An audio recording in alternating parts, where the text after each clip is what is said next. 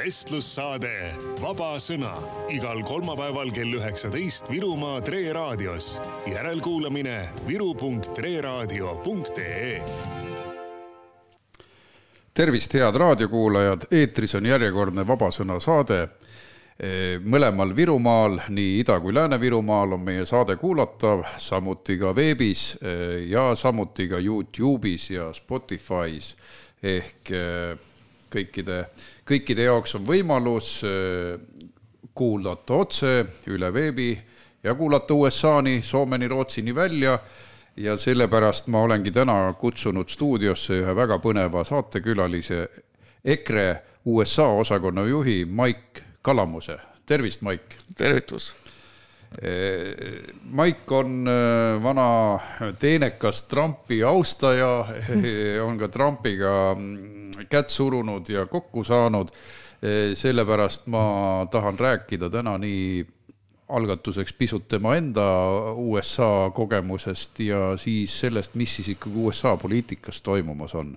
sest meid mõjutab see päris palju, küll tihtipeale pika viivitusega, aga need protsessid, mis USA-s käivituvad kas või sooagendaga või LGTB agendaga, need on ju kordades kaugemale jõudnud kui Eestis ja peab arvestama, et surve aina kasvab, sest sealt siis meie teenekad marksistlikud intellektuaalid teevad kõik, et neid üli, ülikahjulikke ideid Eestisse toimetada. aga Maik, mis aastast oled sa kahe jalaga USA pinnal ja nii-öelda resident seal püsivalt? lõplikult kolisin USA-sse, oli aasta kaks tuhat kaksteist, ma olin seal ennem käinud ja noh, Ameerika ärikultuur ja selline maksud mulle nagu hästi meeldisid. siis otsustasin, et, et Inglismaalt edasi minna, tasub USA-sse just äri ajama ja see oli põhjus, miks sinna ära minna. mis valdkonnas sa hakkasid katsetama, kas kohe selles valdkonnas, kus sa praegu tegev oled? jah, noh, kahjuks ei ole mul ühtegi niisugust põnevat äppi või siis mingisugust sellist idufirmat, mida promoda ja kust nagu investorite raha ära põletada, siis mina hakkasin tegema sellise asjaga, mida ma oskan teha, see on köökide, kommertsköökide koristamine. et seda ma olen teinud sõjaosades, seda ma olen teinud restoranides nii Inglismaal, aga tuleb teha seda, mida oskad. nii et, et ei ole midagi nagu väga erilist ja põnevat äriliselt, et see on niisugune raske töö, kus raha tuleb raskelt aga see on ju samamoodi meie põhivajadus, mis ei kao kunagi, ehk nii nagu toitlustuses tegutsejad, et süüa on vaja nii tsaari ajal, nii okupatsiooni ajal kui, kui ka vabas Eestis, et mõned põhibaasvajadused ei muutu ajas. Ja sinu valdkond on ka selline, millest saadakse aru siis, kui probleemid tekivad, et ma mäletan, USA-s oli näiteks prügivedajate streik linnad uppusid prügisse ja noh, kujutage ette, milline see kõik välja nägi. ja kui äh, enam ei toimi süsteemid ja kui sinu büroo on äh, räpane, äh, kes, siis su firma reiting on kohe seal null tärni peal. ja eriti on selline asi, et ega ameeriklased, kui vaadata Eestis restorane ja kööke, siis siin särab kõik. siis seal on niimoodi, et ega keegi midagi ei liiguta enne kui on vahetus läbi, siis vaadatakse midagi, lükatakse nurka. see on kohutav, kui inimesed näeksid, mis seal toimub.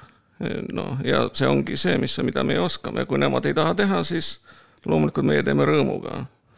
ja me oleme läinud selle peale välja, et meie kliendid on põhiliselt sõjavägi ja valitsusasutused, just sellised, kus on sul vaja nagu kindlaid oskusi, dokumente ja kus on konkurents ka väiksem, sellepärast on ka näiteks meie kliendi nimekirjas on äh, erinevad saatkonnad, on ka isegi Valge Maja meie nimekirjas, on äh, erinevad kohtud, äh, lennujaamad, sellised kohad on põhilised, kus, kus meie äri õitseb ja, ja see on ka üks põhjus, miks sa tunned erinevaid Ameerika sotsiaalseid kihte ju ka neid äh, lat-, latino päri-, väga suurt kogukonda, seda ei saa kuidagi vähemuseks nimetada, sest ta on varsti ilmselt enamus seal oma hispaania keelega.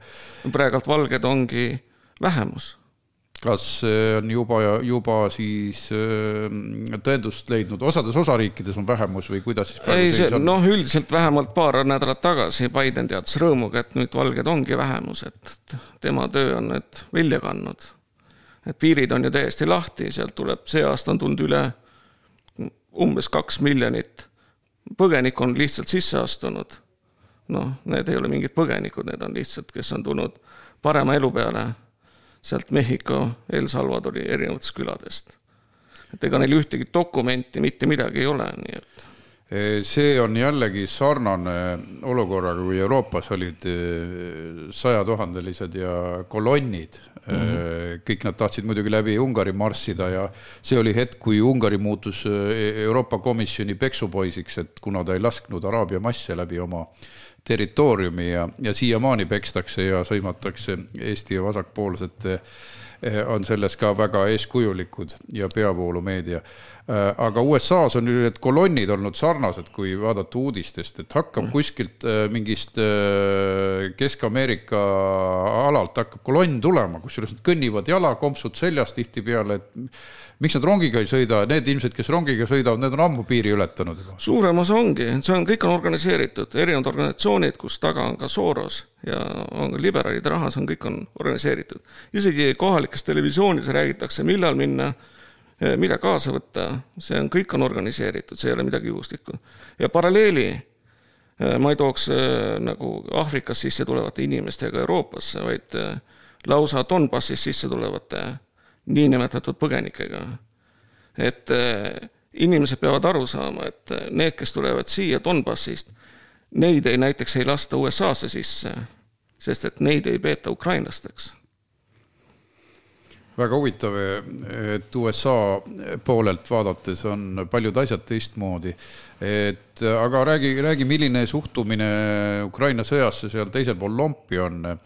USA on siiski juba ka enne teist maailmasõda, kuigi tavaline, tavaliselt me oleme harjunud, et nad olid seal väga tähtsad tegijad, seda nad olidki, aga nad ei tahtnud sõtta minna, nad hoidsid sellest eemale kuni Pearl Harborini päris jõuliselt, vähemalt avalik arvamus ei lubanud oma juhtkonnal sõtta minna.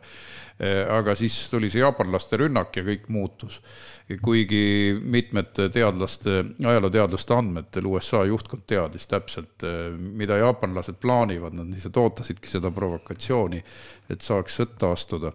esimesse maailmasõtta nad ei tahtnud sugugi minna ja selline noh, tunne, et seal Euroopa kontinendil midagi toimub ja miks meie peame seal üldse osalema, see on päris tihti olnud selline ebamugav nei-, nende jaoks, et milline siis praegu suhtumine on no praegune suhtumine on selline, et ma olen erinevate poliitikutega kohtunud, olen käinud erinevatel konverentsidel ja kui rääkida, isiklikult rääkida poliitikutega, siis nemad ütlevad, probleem on suur, sest et rahvas ei taha sõda.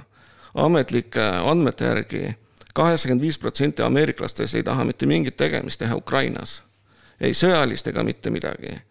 Ukraina seostub neile ainult rahapesu ja korruptsiooniga. et kui arvatakse siin, et USA on taga seal, siis tegelikkuses rahva toetus on ääretult väike. ja seda nii demokraatide kui republikanide seas. et eh, see sõda, inimesed on väsinud sõjast, mida kakskümmend aastat peeti Afganistanis ja kus kaks triljonit dollarit ära lihtsalt maha maeti ja suurem osa läks ju kõrvale.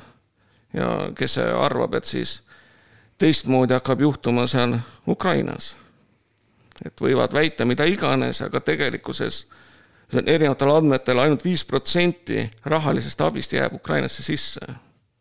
igal juhul on ka USA-l äh, see probleem, et nad ei tunne neid Euroopa asju ja ega meiegi ei ole head Ukraina tundjad, et näiteks noh, eestlased lihtsalt ei tea, et äh, nendest genotsiididest, mis Ukraina vastu toime pandi, kolm näljahäda korraldati ju, mitte ainult üks, hävitati Ukraina patrioote äh, massiliselt, et äh, laagrid olid äh, neid nii täis, et äh, igal pool, kus oli eestlasi, oli seal ka hulgim ukrainlasi Stalini aegset, aegses Nõukogude Liidus ja hiljem. ja samamoodi ka see rahvastik, sest ukraina keelt hävitati jõulisemalt kui kusagil Baltimaades, sest neile oli see eriline vihaobjekt. Ukraina, nii Ukraina riiklus, rahvuslus kui ka keel siis äh, ukrainlastest päris suur hulk räägib ju suržikut ehk sihukest segakeelt, mis ei ole, ei äh, no mis on tegelikult vene, vene keel on ukraina keele üle võtnud, alles on jäänud grammatikat, äh, alles on jäänud sõnu, siis ta ongi selline segakeel, aga see tähendabki, et tegu on rahvuselt ukrainlastega, kes on Nõukogude võimu ajal kaotanud oma keele, sest koolis ei õpetatud seda. aga rahvustunne võib neil nüüd pärast nende sõdade algust olla vägagi tugev, nii nagu iirlastel inglaste vastu. aga korraks veel uues eh,, nende vähemusrahvuste juurde, et et seda on huvitav näha, et milline nende suhtumine on olnud siis poliitikasse, et eh, kas nende, nendel on muut-, muutunud arvamus Bideni valitsemise ajal Bideni valitsemise ajal võib ütelda seda, et rahval on täiesti, tahavad lahendust kohalikele probleemidele ja välisprobleemid jätavad inimesi külmaks. et meil on Ameerikas tohutud probleemid, siin on olnud erinevad, viimase kahe aasta jooksul on tavaliseks juhtunud selline asi, et et on kaubapuudus, selline umbes nagu inimesed mäletavad Vene ajast. lihtsalt kaob ära näiteks kodukeemia, pole mitu kuud saada Pole saada näiteks WC-paberit, vahepeal pool aastat polnud saada. nüüd on viimasena, viim suur, viimane suurem on see, et ei ole beebidele piimapulbrit. Ja seda mitte natukene puudus, vaid seda pole absoluutselt üldse. Ja viimane kaks kuud ma ei ole näinud üheski poes mitte ühtegi pakki. Ja seda saab ainult nagu Vene ajalgi, ainult läbi tutvuste, kellelegi makstes, noh, see eriti see on lastearstidele ja sealtkaudu saamine, nii et. ma saan aru, et äh, sa oled osaliselt praegu Eestis just sellepärast, et kohvriga piimapulbrit oma lastele viia. no kahjuks on selline olukord jah, maailma kõige võimsam riik, kõige rikkam riik ja ma pean kohvriga vedama piimapulbrit koju. sest et kodus on ootamas kolmekuune beebi, kes tahab spetsiaalset piimapulbrit jaa, see, see on hämmastav ja, ja meie kuidagi ei taju seda. mina tean, et kiibipuudus on suur ja, ja tegelikult see on ju ka autode tootmisse löönud viivitused ja mõrad sisse. et kuidas seal tööstuses näib? no selles mõttes ongi kiibi asi on, on niisugune huvitav probleem, et mulle isiklikult ja paljudele teistele tundub, et kõik asjad on meelega tehtud. näiteks sadamates Äh, mida Biden tegi võimule tulles, äh, käskis kõikidel sadamatöölistel end vaktsineerida. see tähendab seda, et umbes kolmandik lasti päevapealt lahti. seda just äh, New Yorgi sadamas ja LA sadamas. ja siis päevad lühendati, et ainult sadam toimis kolm päeva nädalas. ja loomulikult nad ei suutnud seda kaubavahetusega hakkama saada.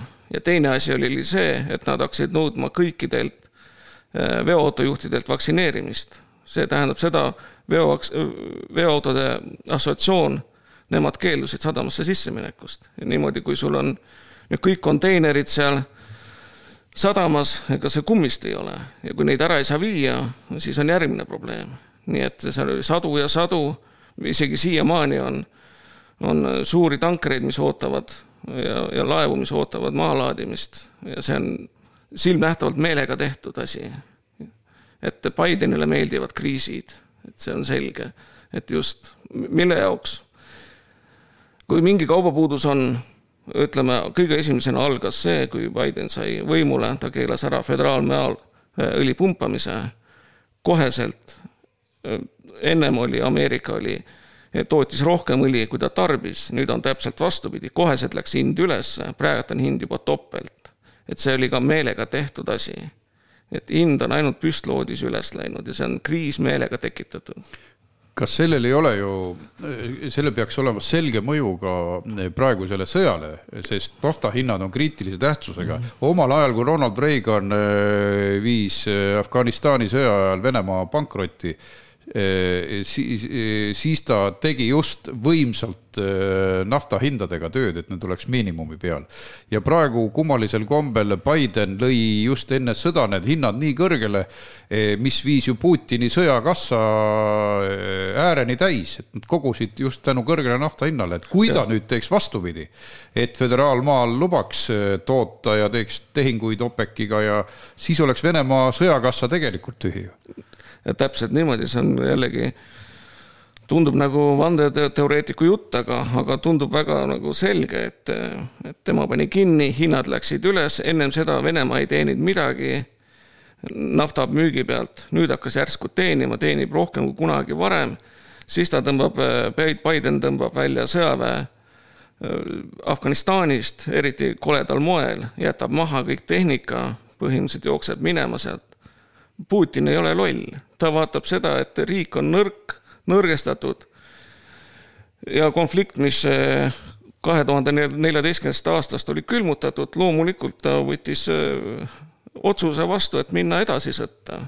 et eh, selles mõttes ega Putin ei ole rumal, tema nägi, et vastane on nõrk, nüüd tuleb see ära kasutada ja see on tähelepanuväärne, sest äh, nagu eelnevalt öeldud, nafta hind on äärmiselt kriitiline valdkond ja, ja isegi kui Euroopa liigi, riigid ei osta, siis Venemaalt tahaks selle nafta ära osta Hiina, India ja teised. jah, selles mõttes, et mida ei räägita, on see, et Venemaa müüb, Venemaa on ju OPEC-i liige ja müüb ka läbi OPEC-i ja OPEC ei deklareeri, kuskohast tema selle sai. nii et sealsamas silt on peal, et ta on tulnud näiteks Saudi Araabiast, aga tegelikult on Venemaa kütus, nii et tegelikkuses mitte mingit vahet ei ole. ja India ostab ju nüüd pea kaheksakümmend protsenti rohkem kütust Venemaalt. Hiina ütles, et tema võtab nii palju kui Vene gaasi või naftat, kui palju Venemaa annab isegi kui hinda alla lüüakse, on see ikkagi kõrge tänu sellele maailmaturu väga kõrgetele hindadele ja Bideni poliitikale. ainuke variant on uuesti föderaalmaad avada tootmisele jälle asi läheb tagasi, Venemaa saab, jääb raha otsa, ongi kõik. sest et Venemaa valuuta on ju väga kõrgel tasemel, Venemaa rubla on ju tugevnenud aga nüüd me läheme sellesama rohepöörde juurde, et kuidas sinu arvates oleks Trump praegu käitunud just selles samas energiapoliitikas, et tema ju tõmbas kliimapoliitikast äh, USA täiesti välja, lõpetas selle ja. Pariisi lepingu ära ja. aga, aga, aga seesama Pariisi lepingu asjad on ju globaalne maks, ega sellest meile mitte mingit kasu ei ole. see on ainult jälle on turud ja keegi teenib seal spekuleerides. see on ainult, CO2 turg ei ole mitte mingil moel seotud nüüd eh, loodushoiuga, see on ainult spekulantidele ja maksukogumisele. siis tekib isegi küsimus, kes seda CO2 raha hoiab keegi, keegi saab rikkaks õhu müümisega ja tavaliselt need õhumüüjad on äh, kõige kõrgema taseme pangandusspekulandid ja äh, tippkartelli, no ütleme siis majanduskartellide ja poliitikute perekonnad. jah, noh, üldiselt pangad ju valitsevadki nii riike ja nii ka Eestit. Eestis on ju pankadel rohkem õigusi kui kuskil mujal maailmas ja see ei ole juhuslik aga too mõni näide ettevõtjana, mis sul on meie panganduses, panganduse võimutsemises silma jäänud panganduse võimutsemisest, nii palju kui mina olen siin aru saanud ja näinud, neil on võimalus sinu pangakontoga teha, mida tahavad. raha kinni hoida, arveid kinni panna, sihukest asja USA-s või Inglismaal noh, ei ole võimalik. saab, ja teine asi, mis näiteks on, väga lihtne asi, on kodulaenud. on selge teistes riikides, kui on äh, ütleme, majanduslangus ja sul on, kaotad töö, siis sa lihtsalt lähed ja viid võtmed tagasi ja ongi kõik, sulle isegi ei panda äh, halba reitingut selle eest. aga Eestis on vastupidi. sind aetakse taga nagu, nagu sa oled kõige suurem võlglane ja, ja, ja väga raske on sul saada uuesti jalgu alla. et äh, siin tuleb pankade võim nagu kõvasti kärpida. et äh, millest on tulnud, eks, eks ole see, keda nad on sponsoreerinud valitsuses, kelle kõrvasid me seal taga näeme, noh ja meie näeme põhiliselt välispankasid, meil oma pankasid on no nii, põhimõtteliselt üks-kaks. ja need on, need ei ole välisinvestorid, nad on välisröövlid. sellepärast, et tuletame meelde, et nemad on ju need, kes siin läbi Eesti siin viimane kümme aastat on raha pesnud ja samamoodi väidetavalt mul oli kohtumine Fox Newsi ühe kommentaatoriga, kes küsis mu käest otse välja, et tema info järgi on Ukraina abirahasid ka läbi Eesti pestud. mina selle kohta ei oska midagi ütelda, aga kus on suitsu, seal on arvatavasti ka tuld ja, ja kui nüüd on vahevalimised ja eeldatavalt need Trumpi toetajad võidavad, siis vean kihla, et tehakse komisjon ja hakatakse uurima aga vahevalimised on novembris. ma küsin seda, et kuskil on kuulda, et demokraatide senised toetajad, kasvõi needsamad hispaaniakeelsed, keda sinu töötajate hulgas peaks palju olema, kas nad on meelt muutnud Bideni osas ja mis põhjusel? absoluutselt. Bideni, isegi CNN, mis on ultravasakpoolne ütleme, telekanal mida võib-olla ainult Eestis vaadatakse nii suure huviga, aga Ameerikas viimaste andmete järgi vist vähem kui kaheksasada tuhat inimest vaatab seda, see on siis äh, vähem kui, kui seal isegi kohalikke telejaamu, nii et äh, aga isegi nende andmete peal nad ei suutnud rohkem kirjutada kui kolmkümmend viis protsenti, kes äh, arvavad, et Biden teeb head tööd. ja sama küsitluse järgi ainult kaksteist protsenti arvab, et Biden on õigel teel. ja mis nagu ütleme, sisse sõitnutele, ütleme nendele Ladina-Ameerika inimestele ja ka Ida-Euroopast tulnud inimestele peale ei lähe, on see perekonna asi. et perekond on kõige tähtsam ja see, kui hakatakse peale suruma LGBT transude õigusi, seda, et sul koolis lapsele hakatakse juba viiendast eluaastast õpetama, kui tore on olla trans ja kui tore on olla erinevates mis need on, et üle viiekümne erinevates soos, see tekitab ainult segadust. ja lapsevanemad, nad ei taha seda. ja sellepärast, ja muidugi ka majanduslangus. et eh, kui inimene ikka näeb, et kõht jääb tühjaks, muidugi meil on majanduslangus eh, seal praegu üks protsent ametlikult, eh, inflatsioon on kaheksa protsenti, siis tegelikkuses toiduained ja, ja kütus on ju ka noh, praktiliselt kahekordistunud et rohepööre teeb äh, puhast tööd USA-s ka äkki? see on äh, kohutav, mis toimub ja noh, rohepööre, see on, see on ainult silt. seal mitte mingit rohelisust ei ole no loomulikult see on silt, sest äh, Eesti oludes ma ütlen, roheline tähendab maaelu toetamist, põllumajanduse toetamist, regionaalpoliitikat peaks tähendama, aga tegelikult mhm. tähendab juhtme seljast välja kiskumist, et jääge külma ja külma kätte ja proovige hakkama saada, et see ongi Kaja Kallase poliitika, et ta on ju täiesti silmaklappidega äh, noh, selle kõige kopeerija, mis seal on ja ja nimetatakse lastega, lasterikaste perede toetamist, kõigi laste toetamist tegelikult nimetatakse talebanluseks ja siis tuleb Siim Kallas Riigikogu pulti, ütleb, et kas me peame toetama talebanlikke põhimõtteid, kus naine toob ilmale ühe vasika aastas, et no sellist nagu vot kui selline solvang on kõikidega lastega perede osas, siis ei räägi sellest ükski peavoolukanal. kustkohast sellised ideed tulevad? Need ideed tulevad demokraatide pealt, USA demokraatide juures ja mulle on ka öeldud, et näed, et, naerdes, et Eesti liberaalid on nagu osakond, demokraatide osakond, et mis lollus seal välja mõeldakse, tuuakse kohe siia ilma ühegi filtrita. kes teab, võib-olla ka demokraadid ka rahaliselt toetavad siinseid liberaale, sest et mina näen ainult reaalselt kahte maailmavaadet siin Eestis, üks on konservatiivne ja teine on liberaalne. mina parteidel kui sellistel siin sellist vahet ei teegi, sest et mina ei saa aru, mis vahe on Reformil ja mis vahe on isegi Isamaal, sest et nad ajavad kõik seda europläma no ja sellepärast ka meeletu võitlus EKRE vastu, sest me oleme juhtme välja tõmmanud, me ei lähe selle jamaga kaasa, me põhimõtteliselt ei ole nõus. Ja ma just ühele sõbrale ütlesin, et me oleme uus ERSP, Eesti Rahvusliku Sõltumatuse Partei, sest keegi ei võitle suveräänsuse eest, kui mingi eurovanake ütleb, et nüüd tuleb vabadus ära anda, alles tuli teade, et Euroopa Liit tahab ühehäälsuse ära võtta mõnedes üksikutes valdkondades, kus see veel on, välispoliitika ja muud, ja tahavad üle-euroopalised valimisnimekirjad teha, siis muidugi lüüakse kulpi ja ikkagi Brüssel käsib ja aga meie ehk uus RSP ei ole nõus sellega, et rahvuslik sõltumatus on meie paleus, rahvusriigi kaitsel me oleme, vabaduste kaitsel samamoodi ja selle kinnituseks on ka see haru, üsnagi haruldane otsus, mis tuli Tallinna halduskohtult, et äh, sundvaktsineerimine oli ebaseaduslik. no seda oli ette teada, samamoodi USA-s. uued, mis, mis liberaalid teevad, teevadki seda, võtavad määruse vastu, sunnivad seda täitma, aga nad teavad, et noh, aasta-paari päeva, paari pärast see lõpetatakse ära, aga niikaua see asi toimib, niikaua siin inimesi sunnitakse. Nagu ma nägin siin Eestis, et lausa politsei eriüksused toodi vastu viiuldajale, nii et, et see on noh, samasugune asi toimus ka Ameerikas. et, et lihtsalt nõuti või jääd nälga. erinevad variandid, sa ei saanudki, sa ei saanud asju ajada, kui sul vaktsiinikaarti polnud. ja see oli ühendust tekitav moodsa totalitarismi ilming. aga pärast äh, väikest pausi läheme ühe kuulsa poliitiku juurde, äh, kelleks on Donald Trump ja temaga kohtumine.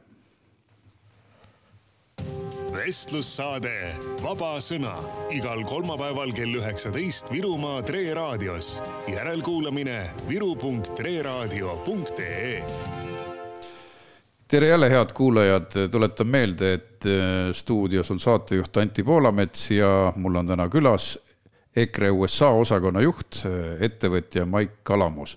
Äh, sul oli mõne, mõni kuu tagasi Tartus uhke reklaam üleval, valgusreklaam, kus sa Trumpiga kätt surusid uhkelt pildi peal. kuidas sa temaga kohtusid ja mis asjaoludel? see, et sa oled Trumpi fänn, seda ma tean tean ammu.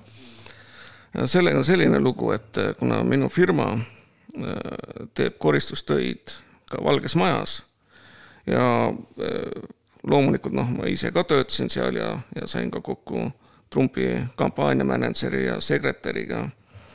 ja see oli, mm, aasta oli kaks tuhat üheksateist, kui ma õieti mäletan, avaldasin soovi, et kas oleks võimalik Donald Trumpiga isiklikult kohtuda ja kogu protsess võttis aega kaks aastat, kuni ma lõpuks sain siis teate, et jah, et Donald Trump on nõus teiega kokku saama. Ja loomulikult no ma kasutasin seda juhust ära, aga see oli veel niimoodi, et ma sain kutse ja ei olnud üldse kuni viimase päevani, kuni kakskümmend neli tundi enne polnud teada, kus kohas see toimub täpselt ja kas mulle antakse siis ütleme luba ikkagi sinna temaga kohtuda, see on siis turvakaalutlustel. et niimoodi, niisugune selline niisugune turvavõrk ümbritseb teda, aga loomulikult äh, Trumbiga saime kokku, ta üldse, kui arvatakse Eesti meedia mõttes, et ta on niisugune kibestunud ja kuri inimene, siis ta on täiesti vastupidine, täiesti lõbus inimene.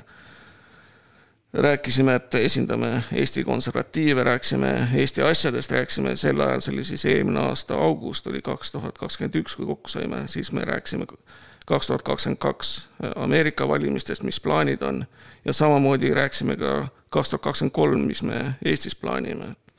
ja muidugi soovisime pilti temaga teha ja, ja seda ka saime. nii et, et see kogu üritus toimus temale kuuluvas äh, New Yorgi golfiklubis.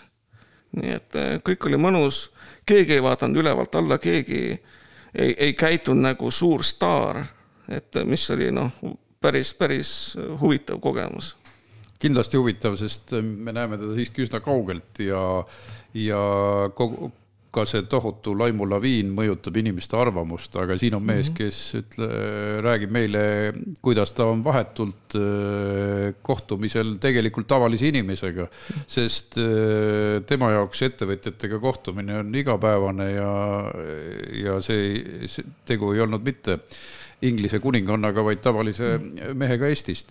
ja kas teil oli mõni sõna veel Eestist juttu, ta teadis Eesti, oskas Eesti kohta mõne small, äh, sõbraliku ütluse ka teha või?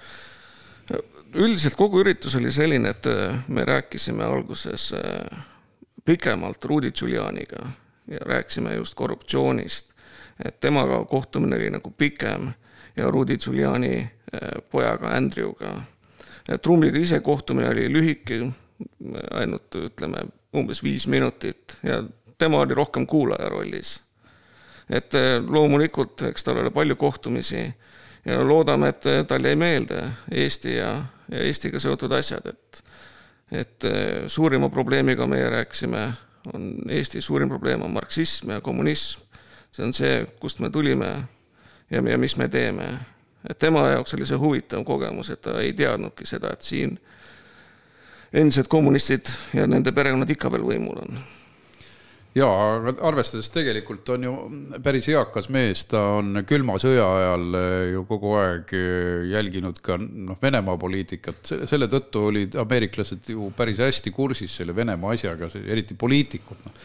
tavalistel inimestel on seal geograafiagagi suuri mm -hmm. probleeme, et enam-vähem suuta näppu peale panna mõnele Euroopa riigile, siis on hästi. Äh, aga räägi mulle ka Trumpi poliitikatest äh, ja sellest kõigepealt, et kui, mis mulje sinul ikkagi on jäänud nende mosaiigikildude kokkupanekule, et kas need valimised olid sellised, nagu jällegi meie peavool reklaamis, et seal ei olnud midagi ja kedagi pole vangi pandud, järelikult pidi kõik aus olema, et milliseid trikke siis tegelikult kasutati, et nad ei ole siiamaani noh valimisi ümber keeratud, nagu oleks normaalne sellel juhul, kui on noh, veenvad võltsingud tõendid laual. ütleme niimoodi, et Ameerika valimised meenutavad natukene Eesti e-valimisi. et midagi on väga raske tõestada, et seda on teinud siin üks, see on kuu aega tagasi tuli üks hea dokumentaal välja, mida ma soovitan kõigil vaadata, on kaks tuhat muula ja seal on täpselt välja võetud ja näited toodud, kuidas see võltsing toimus. et seal on natuke teistmoodi, et seal äh, minnakse valimissedeliga, pannakse siis, äh, kuna oli koroona, siis pannakse lihtsalt õues asuvasse kasti, siis see lasti läbi spetsiaalse loendusmasina. muidugi see loendusmasin oligi see, mis luges seda nii täpselt, nagu vaja oli. ja noh, teine asi on see, et koguti kokku ja lihtsalt julmalt võltsiti neid äh, sedeleid, et äh, noh, kujutage ette, et Biden ei teinud ju mitte mingit valimiskampaaniat, istus oma keldris. Trump oli see, kes mööda maailma käis, mööda Ameerikat käis. mina ise käisin mitmel Trumpi üritusel, Trumpi rallil ja seal oli ikkagi noh, kümneid tuhandeid inimesi ja nüüd uskuda, et see inimene, kes mitte mingisugust kampaaniat ei teinud, kartis isegi keldrist välja tulla, võitis siis Trumpi, noh, kui sõidad Ameerikas ringi, siiamaani igal pool on Trumpi lipud üleval. nii et isegi tundub, et demokraadid ise ka ei usu enam seda oma valet, sest et võtame või seda, et nüüd tuli välja just paar nädalat tagasi, et Twitteri kontol Joe Bidenil pooled on võltskontod ja, ja on bot'id, et ei olegi mitte midagi. et see kõik, see on üles puhutud, kes teab, mis see ülejäänudki on nii et see on suur vale, mida toetab nii CIA kui FBI. kui see kõik on tõsi, äh, siis on, äh, siis on maailm tegelikult suure probleemi ees, et kui ähm, USA-s ei suudeta tagada ausaid valimisi, millele tugineb tegelikult kogu demokraatlik usaldus, siis siis see nakkus võib levida üle maailma ja see noh, sellel on tagajärjed, noh nii nagu me näeme kasvõi selles rohepoliitikas, et äh, kui oleks üks, siis oleks maailmas energiahinnad äh, kolinal kukkunud ja kui on teine, siis kellegi taskusse voolavad triljonid. No täpselt, ma arvan seda ja mida on ka mulle öeldud poliitikute kohta, et see ei ole see, mis praegu on juhtunud, vaid see on kümneid aastaid niimoodi toiminud et see käendussüsteem keegi kellelegi kasulik, valimisi on kogu aeg kergelt mõjutatud. aga lihtsalt Trump oli esimene, kes tuli väljaspoolt süsteemi ja raputas seda ja nägi seda jama. et eh, see on kogu aeg toiminud, noh, kartell nii nagu me nimetame, et kartelli, kartellivõim, enne kui EKRE tuli ja vilistas selle mängu katki. ma arvan, et see on isegi maffia, see on ülemaailmne maffia ja kõik teised hoiavad silma kinni üks CIA juhtivametnik kunagi mulle ütles, et kui ma rääkisin talle Eesti e-valimistest, ütles seda, et eh, iga partei üritab ükstaskõik kuidas võimul olla. ja see on nii, nii Ameerikas kui on Eestis ja on ka, ma arvan, Venemaal. Seda küll, aga kellelgi pole lubatud eh, seadust rikkuda võimul oleku nimel, vaat selles on uba, et. kes kui... see kontrollib? vaat see on hea küsimus. Ja kes kontrollib kontrollijaid, on igavene küsimus, et me mäletame, kuidas äh, EKRE valitsusest äh, maha võeti äh, abielureferendumi ajal, üks päev enne abielureferendumi hääletust, üks päev, ehk see. mitte miskit ei ole juhuslik ma ei hakka siia midagi lisama sellele, aga ma tahtsin küsida ka selle tagasivaatena Ameerika mässudele ehk eh, Black Lives Matteri tormile. sa olid eh, kodanikuna ise ka selle tormi sisse haaratud, et kirjelda, kuidas sündmused eh, sinu kodu ümbert mööda käisid ja mida siis relvaomanikud või, või need, kellel ei olnud relva, kuidas nad siis reageerisid? Et üldiselt meie, sel ajal ma elasin kortermajas, niisuguses suuremas Äh, ütleme, kahekümnekordses kortermajas. Päeval oli siis BLM-i protestid meie linnas ja olid no tavalised, ütleme neliteist kuni kuusteist valget tüdrukut, kes põlve maha panid seal, kõik oli rahulik. ja see toimis kuni kella kuueni õhtu ja umbes kaheksa paiku hakkasid tulema erinevad gängid. Ja, ja kohe oli näha, et need ei olnud kohalikud. Ja nad tulid ainult ühe mõttega, ainult laastada ja varastada.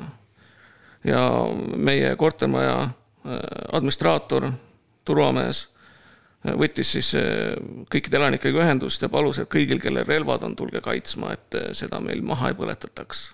ja niimoodi me olimegi, ma olin oma naisega, öö läbi olime siis majavalves. Ja, ja tänu sellele keegi meid ei laastanud. Ja keegi ei pannud siis kortermajale tuld otsa.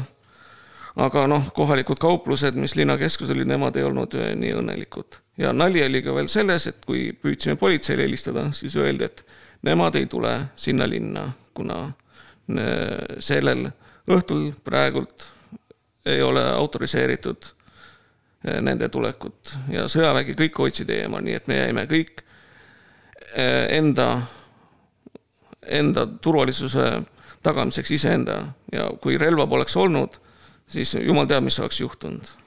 Uskumatu. Ja siis äh, see, see ongi meil äh, noh, meie, meie silmis hästi toimiv riik, äh, aga võib samamoodi sõrmenipsust. suvel ju kestis praktiliselt kuude kaupa see märatsemine ja teistes linnadel oli sama olukord, et politsei ei tule välja, sest väljakutseid juba on nii palju, et nad ei jõua igale poole. me teame ju pronksiöö ajast, et mis siis tagajärg oli inimesi, inimesi sai surma, eh, nii mõnigi oleks veel võib-olla surma saanud, kas või seal Rock Cafe's, kus rünnati ja nad barrikadeerusid keldrisse. selliseid eh, väiksemas mastaabis eh, draamasid oleme me ka ise läbi elanud. et kui kohutav see pilt mõnes teises kohas siis oli, et tele, telepildis olid ju laastatud linnad ja põletatud poed. aga nii ongi, nii täpselt oli, ma arvan, et nad näevad hullemad välja, kui on Afganistanis, Kabul või, või Bagdad Iraagis, et, et see, mis toimub siin, inimesed ei saagi aru.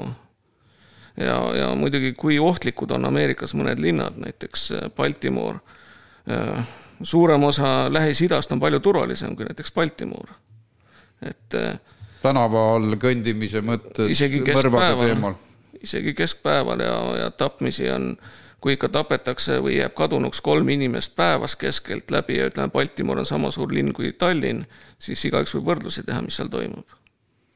jaa, hirmutav. ja, ja samal ajal demokraadid ütlesid selle BLM-i ajal, et politsei on süüdi, võtame neilt võimu ja raha vähemaks. jah, no keegi peab, keegi peab süüdi olema ja ja see BLM on ju puhtalt marksistlik organisatsioon ja kui panete tähele, siis tegelikult BLM on incorporated, see tähendab seda, et ta on kasumit teeniv firma. nii et ja koguvad raha siis kelle käest, valgete käest ja selle eest on ka nende juht, juhtinimestel on ju suured mansionid LA-s, Beverly Hillsis. see on mm, -hmm. kõik on seesama raha ja mustadest mitte keegi neist ei hooli. see on ainult pettus ja märatsemise, märatsemise soov on äh, ka ajatu, et meenutab Prantsuse revolutsiooni sankülotte. sankülottideks nimetati lühikeste pükstega äh, mässajaid, kes ka märatsesid mööda linnasid ja ja, ja siis Prantsuse revolutsioon ju arenes ka sellest, et alguses võeti kuningas maha, tehti rahvaesindus, äh, veel oli kuidagi äh, siis äh, arenes veel noh, mõningate märatsustega, aga siis ju tulid äh, ei kedagi muud kui punane terror, eks ole, Robespierre ja teised, et ehk siis äh, ka need USA arengud on sellised tihtipeale, et räägitakse, räägitakse, kuidas rõhutakse vaeseid musti, ja keda veel ja siis äkki võetakse sellest nagu õigustus põletada maha küm-, kümnete linnade keskusi, poode, hävitada ja, ja siis antakse neile veel õigust ka kellegi poolt. jah, minu meelest ei ole vist kedagi süüdi mõistetud neist, kes, kes seda korraldasid seal. nii et kui sa võtad seda, mis toimub DC-s, mis nagu kuuenda jaanuari eelmise aasta need sündmused, mida siis väidetakse, kus siiamaani inimesed istuvad seal kongides, kus pole aknaid. ja, ja võtta siis BLM-i neid eh, rahutusi, kus nad kõike maha põletasid. Nendest pole kedagi süüdi mõistetud aeg on liigestest lahti mitte ainult Euroopas, vaid ka USA-s ja ma nõustun sinuga selles osas, mida sa ütlesid Trumpile, et selle taga on marksismi tagasitulek, eks. ja marksismil on alati üks eesmärk, lammutada midagi. kas ta võtab ette perekonna äh, ja asendab selle mingisuguse vikerkaare värviliste hullukeste paraadiga või, või äh, on see siis äh, klassiviha külvamine, mis laastas ära lugematu hulga riike, lammutas ära eraomandi, no kõige rängem tagajärg oli pärast inimeste hävitamisi eraomandi hävitamine, aga sellepärast hävitatigi inimesi, et kes ikkagi käsku ei kuulanud lõpetada ära eraomandist unistamine, need Siberisse saadeti, aga omamoodi uuel moel tuleb see moodne konfiskeerimine ja pehmemas vormis mõistagi, aga, aga mingisuguse marksistliku loosungiga, kasvõi see rohepöördes, et me võtame teilt lihtsalt kõik ära, on ju, et ei tohi enam autoga ka sõita. et me võtame teilt elektri ka ära, me hakkame teie suutäisi lugema, et vaata see CO2 ja liha, liha ja sellega seotud äh, CO2 eritus äh, loomaliha söömisel.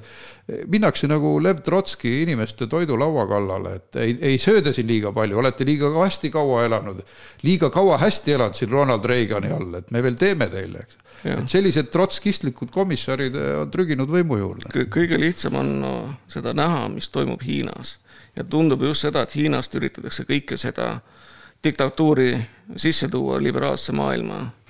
et ega seal on ka ju mitu korda on juba räägitud USA-s sisse tuua punktisüsteem, et inimesel lojaalsuse kohta samasugune nagu on on Hiinas ja noh, ma ei imesta, kui seda Eestisse kohe-kohe hakatakse sisse tooma. ja sotsiaalse krediidisüsteem ja, ja kui ta tuleb, ta tuleb hästi ilusate loosungitega, et näiteks ja, kui sul on äh, selles äpis nii ja nii ja. palju äh, punkte, siis sa saad võib-olla ujulasse odavamalt ja aga märkamatult kasvata millegiks suuremaks, et nii, niimoodi vaikselt äh, imbuvad väga kurjad asjad sisse aga veel eh, saate otste kokkutõmbamiseks küsin, eh, kuidas eh, väli, Eesti kogukonnal USA-s läheb, et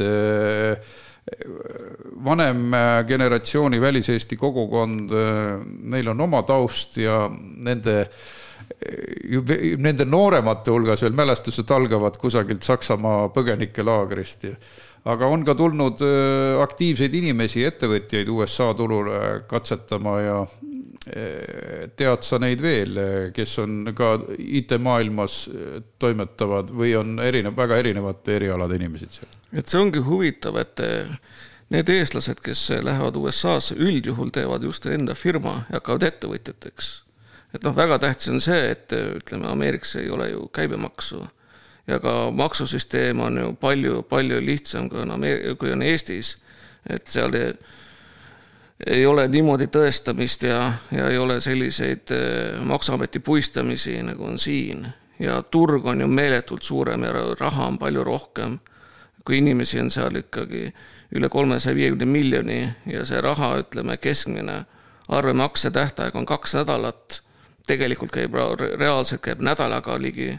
ja kui eestlane, kes oskab tööd teha, teab aega, oskab kvaliteeti, see on väga lihtne turg Maik, suur tänu, nii põnev, et äh, meil kuluks kaks tundi vabalt veel ära, aga kui sa jälle Eestis tagasi oled, siis ma ootan sind kindlasti saatesse uuesti, sest äh, USA asjad ei ole meist eraldi, nad on küll teatud nihkega, aga nad kipuvad, äh, eriti need kõige rumalamad ideed, miskipärast kipuvad ääretult kiiresti üle ookeani siia sõitma, et kõigepealt kusagile ülikooli ja siis panevad poliitikud selle maksma.